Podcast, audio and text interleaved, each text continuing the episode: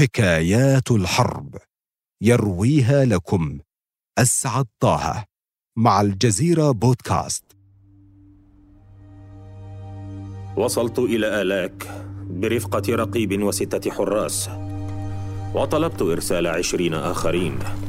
وكان هناك نحو خمسين من الحراس والمجندين فضلا عن بعض المتطوعين المحليين. أخضعت الآبار للحراسة والطرق للرقابة. فعلتم كل ذلك للقبض على رجل واحد؟ نعم وأكثر وأكثر. لقد أحطتم به. لابد أنكم قبضتم عليه سريعا. للأسف لم يحدث شيء من هذا. بعد أسبوع من ذلك كله بلغنا أنه شوهد في منطقة أخرى على بعد عشرات الكيلومترات. رباه فعلا رجل شجاع واحد. قد يضاهي أغلبية. ربما لم تمر بكم هذه الحكاية من قبل. إليكم ما جرى. في قرية صغيرة تتوسط صحراء ذهبية من صحارى موريتانيا بلاد الملثمين بلاد المرابطين وفي بيت بسيط لأسرة بسيطة ولد طفل جميل القسمات. اختار له والده اسم محمد محمد ولد مسيكا كانت موريتانيا وقتها أي في عام 1908 ترزح تحت الاستعمار الفرنسي الذي انتهج نهجا مخالفا فيها قائما على عقد اتفاقيات مع زعماء قبائل ومناطق. ينشأ الغلام الصغير نشأة شبيهة بأقرانه. تضطره الحاجة إلى العمل فيعمل راعيا للأغنام وهو في سن صغيرة. الصبي ذو الشعر المسدل والعينين اللامعتين لا يعجبه الحال أيضا ولا الأجر الذي يتقاضاه لكن ما باليد حيلة. يحس بالإذلال المتكرر من بعض الأسر التي يرعى أغنامها. ولد مسيكه جميل الصوت وهذا الجمال يزيد عندما يطلق له العنان ليتمدد كما صحارى قومه. يحب الشعر مثل أغلب أهل البلاد يستمتع بمديح النبي صلى الله عليه وسلم. جمال المراعي التي يصطحب فيها الماشية تصبره على قسوة ملاكها. شيئا فشيئا تبدأ الأمور من حوله في التغير. ويبدأ هو في التغير كذلك. يرتسم شاربه ويقوى جسده يبحث عن عمل جديد مستعينا بما حباه الله له من جسد. فهو عريض الصدر طويل القامة مفتول العضلات رشيق الحركة محب للفروسية. ينجح في الالتحاق بعمل لدى الشركة الفرنسية لإنشاء الطرق. ومن هنا تبدأ مرحلة جديدة من حياته. وربما من حياة المحتل الفرنسي. صحيح أن عمله حمالا عمل قص لكنه يعرف الآن نوعا آخر من القسوة ويحتمل ما هو أثقل من الحجارة. إنه ظلم الفرنسيين وأكلهم حقوق العمال على قلتها.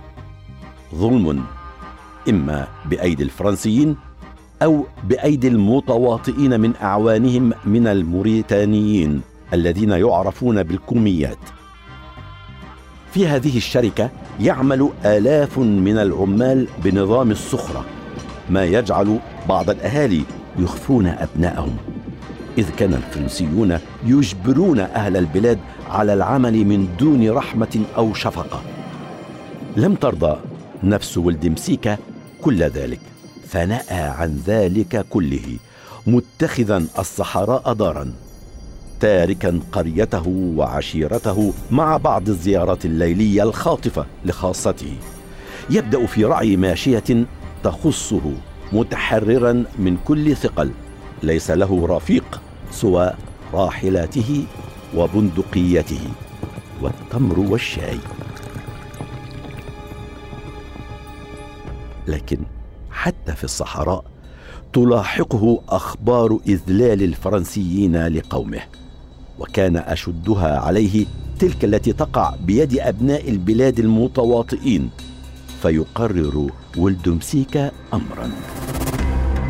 يبدأ في الإغارة على الفرنسيين وأتباعهم من الموريتان المتواطئين والسنغاليين المرتزقين آخذا ثارات مجتمع يشكو من فعالهم. يغير بشجاعة لكن من دون تهور وسرعان ما يتناقل الناس مغامراته ويذاع صيته. رسميا تعتبره السلطات الاستعمارية مجرما وقاطع طريق بينما لا يراه الناس كذلك فهو لا يستهدف إلا الفرنسيين المحتلين وأعوانهم بل يطرب الناس بسرد حكايته كما كانوا قبلا يطربون لصوته. يصبح الرجل مصدر قلق للفرنسيين. تصادر ماشيته ويعتقل راعيه لكن اعتقال ولد مسيكا هو الأهم وقد كان. في إحدى غاراته يجرح ولد مسيكا ثم يؤسر وينقل تحت حراسة مشددة إلى ألاك. يتهلل وجه الرائد الفرنسي فالرجل المزعج أصبح الآن أسيرهم. ستسجن هنا في آلاك حتى تتم محاكمتك على جرائمك. والخريف على الأبواب. والاك في الخريف كما تعرف. شديدة الحرارة والرطوبة. كثيرة البعوض. قل هذا لمن سيكون هنا في الخريف. يأتي الخريف لكن ولد مسيكا ليس هنا. لقد هرب. عاد إلى الصحراء التي يحبها وتحبه فعادت محاولات القبض عليه. تمر الأيام ثم يعلم مجموعة من المجندين أنه عاد إلى ألاك والقرية مجتمعة في حفل شعبي. يرسل المجندون للنظر في الحاضرين فهم يعلمون حبه للرقص والغناء إنهم واثقون من حضوره. لكنهم لم يجدوا له اثرا غير أنه وللسخريه موجود ليس مشاهدا ولكن ضاربا للطبل فهذه من مهاراته جيد التخفي شديد الحذر وهذا ما قيدته ملفات الفرنسيين. وفي الملف المرقم بثلاثة وأربعين وصف دقيق له. القامة تتجاوز مترا فاصل سبعين. عريض الصدر. البشرة فاتحة جدا. اثنتان من ثناياه ساقطتان. به أثر جرح من ضربة خنجر أصابه بها أحد الحرس عندما كان موقوفا. به آثار قيود حديدية في الرجلين. طويل شعر الرأس. عمره حوالي أربعين سنة لكنه نشيط جداً.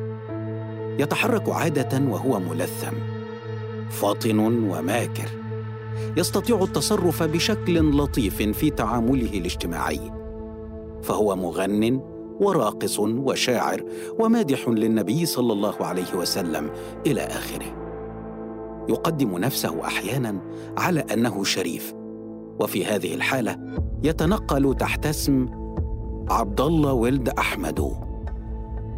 تحاول الإدارة الفرنسية تشويه صورته تصر على وصفه بقاطع الطريق. والعنصري والناس تعرف أنه ليس كذلك والناس تتعاطف معه كثيرا وتتعاون معه وهذا أكثر ما يؤرق ملاحقيه. يواصل عملياته. يصل خبير سنغالي يراهن على اعتقاله. تعيده السلطات بمكافأة.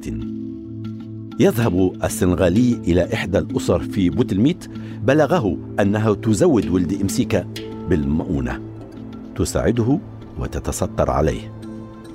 لم يستفد منهم شيئا. لكنه لما خرج باحثا تلقاه أحدهم ليدله على مكان ولد مسيكا يبتعد المرشد بالرجل مسافة من القرية. ثم وبشكل مفاجئ يأخذ منه سلاحه ويأمره بخلع ثيابه ويجبره على النزول من أعلى الكثيب بلا راحلة ولا سلاح وبلا ملابس أيضا. يدخل الصائد البلدة عاريا فالمرشد هو ولد مسيكا نفسه. يتمكن الإحساس بصعوبة المهمة من الإدارة المحلية. تضايق الأسر. التي يظن أنها تعاون الرجل أو تؤمن له شيئا مما يحتاج. التعاون واضح فعملياته صارت دقيقة جدا ومعلوماته وافرة. وبعد تحليل للوضع يكتب حاكم دائرة الطرارزة في اليوم الثامن والعشرين من يوليو تموز لعام 1949 في ضوء معلومات كهذه غير محددة تماما يبدو مستحيلا تنفيذ عملية أمنية في بلد يتواطأ فيه الناس مع القاتل بحمايته من خلال عدم الإبلاغ عنه. أرى أنه من الأفضل إذن الدفع إلى تصفية هذا الشخص الخطير عبر الوعد بجائزة أو استثارة التنافس الضروري. وبالفعل يتم الإعلان عن جائزة مالية لمن يمسك به لكن عمليات الرجل لا تتوقف. تقول بلاغات مقيدة في ملفه.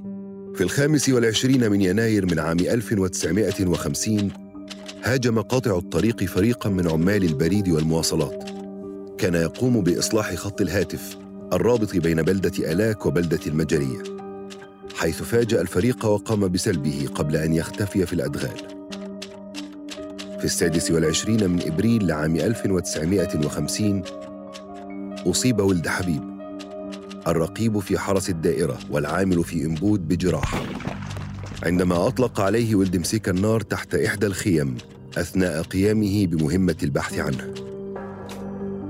في السادس والعشرين من إبريل لعام 1950 وفي منطقة مال التي تبعد خمسين كيلو مترا شرق آلاك التقت دورية مكونة من الحرس حمادي سيري وبكار أمادو والدليل أميمي بولد مسيكة راكبا على جمل. وفي النهاية قتل حمادي سيري وهرب الاثنان. حادثان في ذات اليوم.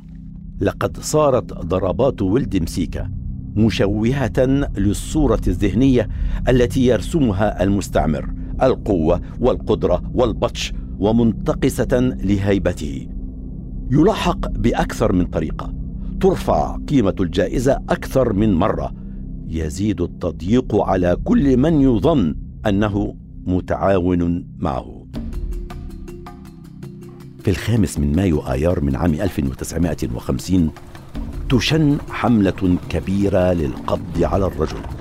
يضاف حوالي ثلاثين رجلا من الحرس والمجندين. إلى قرابة خمسين من الموجودين أصلا في منطقة ألاك حيث تفيد التقارير بأن ولد مسيكا هناك.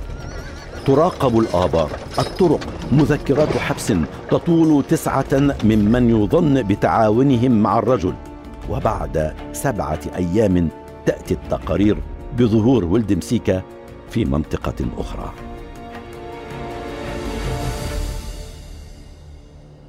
نهايات الحكايات دائما مثيرة. في الصحراء قريبا من بوتلميت يستظل صاحبنا تحت شجيرة في قائلة النهار. يتحفز عندما يرى خيال راحلتين يمسك بندقيته يقترب الرجلان يرفع ولد مسيكا صوته. توقفا ماذا تريدان؟ لا تخف يا رجل نحن صديقاك. صديقاي راحلتي وسلاحي أنا سام وهو عبدات. هل بت لا تثق في أصدقائك؟ الحذر واجب. جئناك زائرين ومثلك يكرم زائرة؟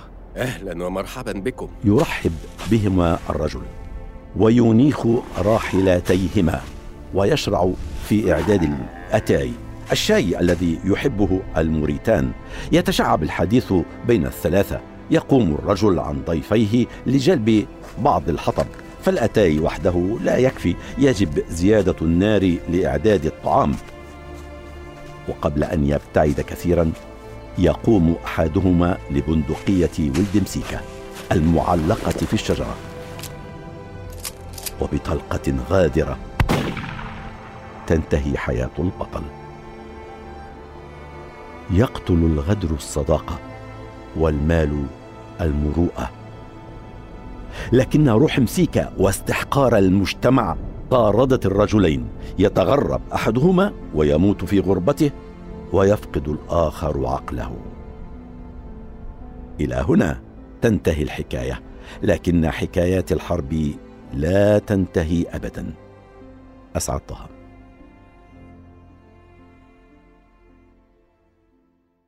استمعوا إلى بودكاست حكايات الحرب عبر أبل بودكاست.